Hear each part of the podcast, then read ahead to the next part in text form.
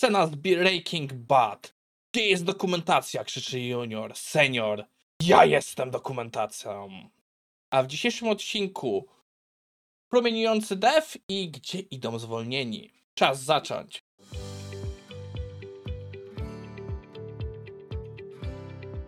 Cześć, nazywam się Maciej Wyrodek, a to jest IT Morning na 27 listopada 2023. Jesteśmy po Black Friday'u, co mnie bardzo cieszy, bo jako, że pracuję w firmie Displayed, to Black Friday jest dla nas bardzo dużym okresem wielkiej aktywności, gdzie dzieje się wiele sprzedaży, więc systemy pracują pełną mocą.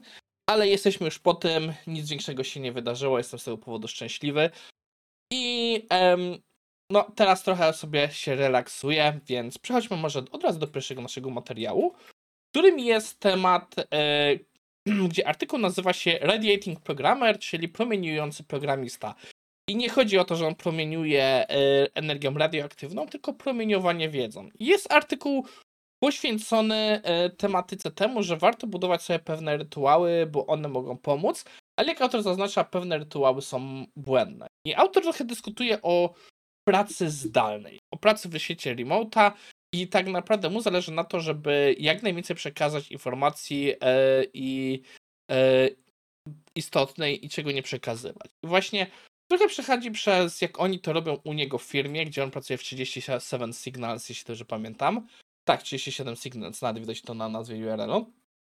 I oni robią to w pewien sposób, że mają poza takimi standardowymi skramami, przynajmniej tak rozumiem, że poza standardowymi spotkaniami skramowymi, e, mają tak dwa razy w tygodniu, e, piszą na czym pracowali, że po prostu e, jak wyglądał u nich obecny progres pracy, co robili i jak to mniej więcej im idzie, że rozpisują się właśnie w tej tematyce.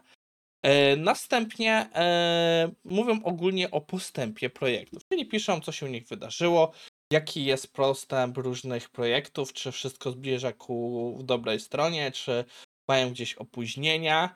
I co mnie najbardziej zaciekawiło, i chyba to jest najbardziej istotne, to co autor nazwał e, non-blocking decision, czyli że tak naprawdę de, ogólnie mówi o tym, że powinno się unikać, żeby się żeby być zablokowanym. I jedną z tych rzeczy, których można robić, można podejmować decyzje, które mają nas odblokować. I dużo mówi e, o tym, że E, że oni działają na zasadzie takiej, że e, powiedz jaką decyzję podjęłeś i patrz, czy ktoś po prostu się temu nie sprzeciwia. Nie jestem na 100% pewny, czy to zawsze zadziała, ale jest to jakiś progres, żeby iść z bieżącą pracą. Więc jeśli mamy sytuację, gdzie nam zależy na dowożeniu jak najszybciej, to może być ciekawe podejście do spróbowania. Ogólnie nie ma tutaj dużo. W sensie jest dużo tekstu, dużo przykładów, więc tym można się warto zainteresować. Ale myślę, że artykuł porusza tutaj pewną rzecz, którą ja też chciałem poruszyć. Widoczność. Mam wrażenie, że bardzo często osoby pracujące zdalnie stają się niewidoczne, zwłaszcza w pracy w modelu hybrydowym. I takie właśnie jakieś, jakby to powiedzieć, podsumowania wysłane gdzieś, mimo że na przykład są jakieś standardowe stand-upy, nie stand-upy, są bardzo wartościową rzeczą do zrobienia. Więc jak najbardziej myślę, że jeśli pracujecie gdzieś w takim środowisku hybrydowym czy stricte remote, warto dla własnego, chociażby dla własnej widoczności takie rzeczy pisać. Pomyślcie o tym i niech się nie przerazicie, że to są tak bardzo rozpisane te rzeczy. Myślę, że nie, nie warto do każdego tak bardzo rozpisywać jak tutaj. Dobra, teraz przechodzimy do małej self-promo. E, dzisiaj w ramach self-promo chcę Wam pokazać e, trochę postęp prac nad, e, nad tabelą z danymi. O co chodzi? Jakiś czas temu poprosiłem Was na LinkedInie, YouTubie, Twitterze, Instagramie o podesłanie mi informacji o kanałach na YouTube w języku polskim, które są o IT. E, pozycji obecnie mam, chwileczkę, niech się upewnię, 105 pozycji, czyli jest tego o wiele więcej niż ja się osobiście spodziewałem. Obecnie obrabiam te dane. To, co widzicie, jest wersja bardzo stricte alfa i także może się przy okazji wypowiedzieć, to jest taki mały e, miejsce na feedback, bo podzieliłem to na kategorie tak, że mamy kolumnę z nazwą, mamy kolumnę z główną serią, nie wiem, czy ta kolumna się zachowa, bo jak się okazuje, bardzo dużo, bardzo dużo programów nie ma czegoś takiego jak główna seria. No i też, e, jakby to powiedzieć, nie wszystkie tutaj są jeszcze wypełnione. Ja dopiero tą tabelkę uzupełniam. Informacje, jaki jest typ kontentu, wideo, podcast i tak dalej. Oczywiście mówimy tylko o YouTubie. Nie za bardzo mnie interesuje, że się na potrzeby tej tabelki, nie za bardzo mnie interesuje, to te osoby robią poza YouTubem.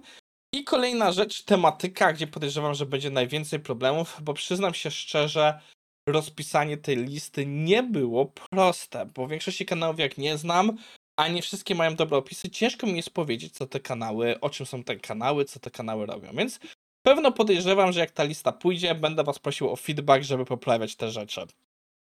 No i wiadomo, jest link. I ostatnia rzecz, informacja o aktywności kanału. To jest coś takiego, co będzie w ciekawej sy- sytuacji, że będzie tak, nie. I w wypadku, gdy nie mogę określić, będą trzy znaki zapytania. Dlaczego niektóre będą w ten sposób? Kanał, który nie będzie miał informacji w ciągu ostatnich trzech miesięcy, czyli nic nie uploadował, będzie oznaczony jako nieaktywny. E, Są pewne wyjątki. Kanały, które na przykład mają karencję, karencję, e, kadencję między odcinkami o wiele dłuższą, na przykład, że same tam odcinki wychodzą, nie wiem, raz co 3 miesiące, co 4 miesiące, to wtedy nie. Tak samo na przykład konferencje, wiadomo, jak wrzucają nagrania, to wrzucają raz na rok, więc e, w ich wypadku to też to nie będzie w taki sposób ograniczone. Jeszcze kombinuję, jak to zrobić. Jak mm, widzicie, teraz macie tutaj właśnie taki first look, więc dajcie znać, co o tym sądzicie. Koniec reklamy, przechodzimy do naszego następnego materiału, który moim zdaniem chyba pochłonie dużo czasu, a mianowicie dyskusja. Yy, tytuł bardzo fajny. Gdzie idą zwolnieni programiści? Bo mieliśmy bardzo dużo redukcji i dalej jest dużo redukcji w, em, e, w, na rynku. I e, autor tutaj postanowił się zainteresować, co się z tym dzieje. Udało mu się znaleźć raport firmy, która się nazywa Karat. I na bazie tego raportu będziemy działać. Niestety problem z tym raportem jest taki, że tyczy się on Big Techa, czyli Google, Netflix, Uber, e, Alphabet i tak dalej, Amazon, Apple i tak dalej, i tak dalej, i tak dalej. Czyli to takie duże firmy. A nawet, przepraszam, bez Ubera to jest po prostu sama ta ma, mama, czy jak to tam to się wymawia, czyli Meta, Alphabet, Microsoft, Amazon i Apple. Więc e, tutaj są informacje, co, co się stało z tamtymi osobami. Niestety wiadomo, nie, informacje stąd nie przeukładają się na polski rynek, ale jest to pewien też rzecz, na którą warto spojrzeć, bo później temat pociągnę dalej. I autorzy mówią o tym, że tak naprawdę e, wiele osób może uważać, że tacy zwolnieni inżynierowie to, to można być sceptycznym, żeby ich zatrudniać, ale wiele osób widzi, że to jest naprawdę grube pule talentów i jeśli mogą sobie pozwolić, to zatrudniają. Tylko moje ale z tym jest takie, że większość firm ma też hiring freeze, też mogą gdzieś szykować się do zwolnień, więc niekoniecznie to będą robić. E, Ale co mnie zaciekawiło, autor mówi, że przynajmniej w Ameryce, że w 2023 e, jednak rekrutacje przyspieszyły, dzieje się ich więcej. I już jak to się dzieje ze samym tym Big Techem, 70% dalej zostaje w firmach, nazwijmy to techowych, jakieś oprogramowania ala software as a service, różne platformy e-commerce'owe czy marketplace'y. I dla tych firm to jest po prostu dobra opcja, żeby ściągnąć talent, który no może dostać trochę mniej kasy niż w Big Techu, ale dalej będzie zadowolony ze swojej pracy. 30% idzie do firm, które nie są tech first. Czyli przykładem takie firmy e, są banki, które mają dużo usługi internetowe i tak dalej, ale no ich pierwszą usługą jest właśnie świadczenie usług finansowych.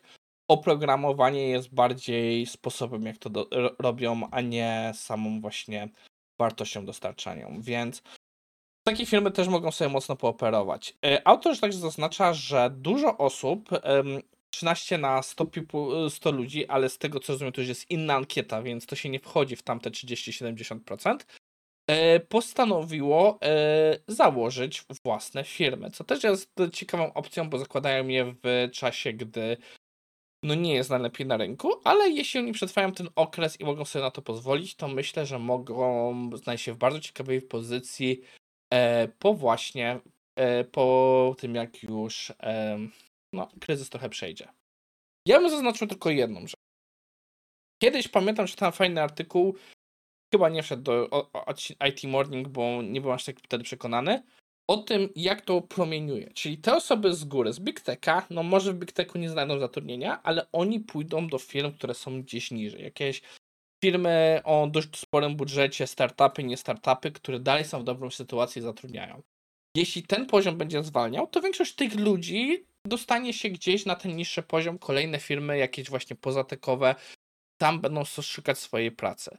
Ale ta piramida nie idzie w nieskończoność. W pewnym momencie dochodzimy do tego, że na przykład osoby które będą chciały wejść w IT, będą miały duży problem. No bo mając do wyboru, powiedzmy Mida, który jest stosunkowo zdesperowany, bo na rynku nie jest za, za dobrze i on będzie w stanie pójść za stosunkowo niskie pieniądze, przepraszam chwilę, obrzę sobie słuchawki, i juniora, o którym kompletnie nic nie wiemy, i obaj tak naprawdę i junior i taki mid może prędzej w miarę szybko odejść z firmy, no to jednak i tak zdecydujemy się raczej na mida, bo koszt wdrożenia go będzie o wiele niższy w projekt, więc boję się tego, że jak to tak się będzie ciągnęło i będzie to długo czekało, czeka nas parę lat, gdzie będzie bardzo brak osób na stanowiskach początkujących i to się bardzo źle przełoży na zdrowie naszej branży długoterminowo, bo będą po prostu roczniki, gdzie e, no nie będzie osób, będzie bardzo mało osób, które z tych właśnie juniorów staną się midami i tak dalej, i tak dalej.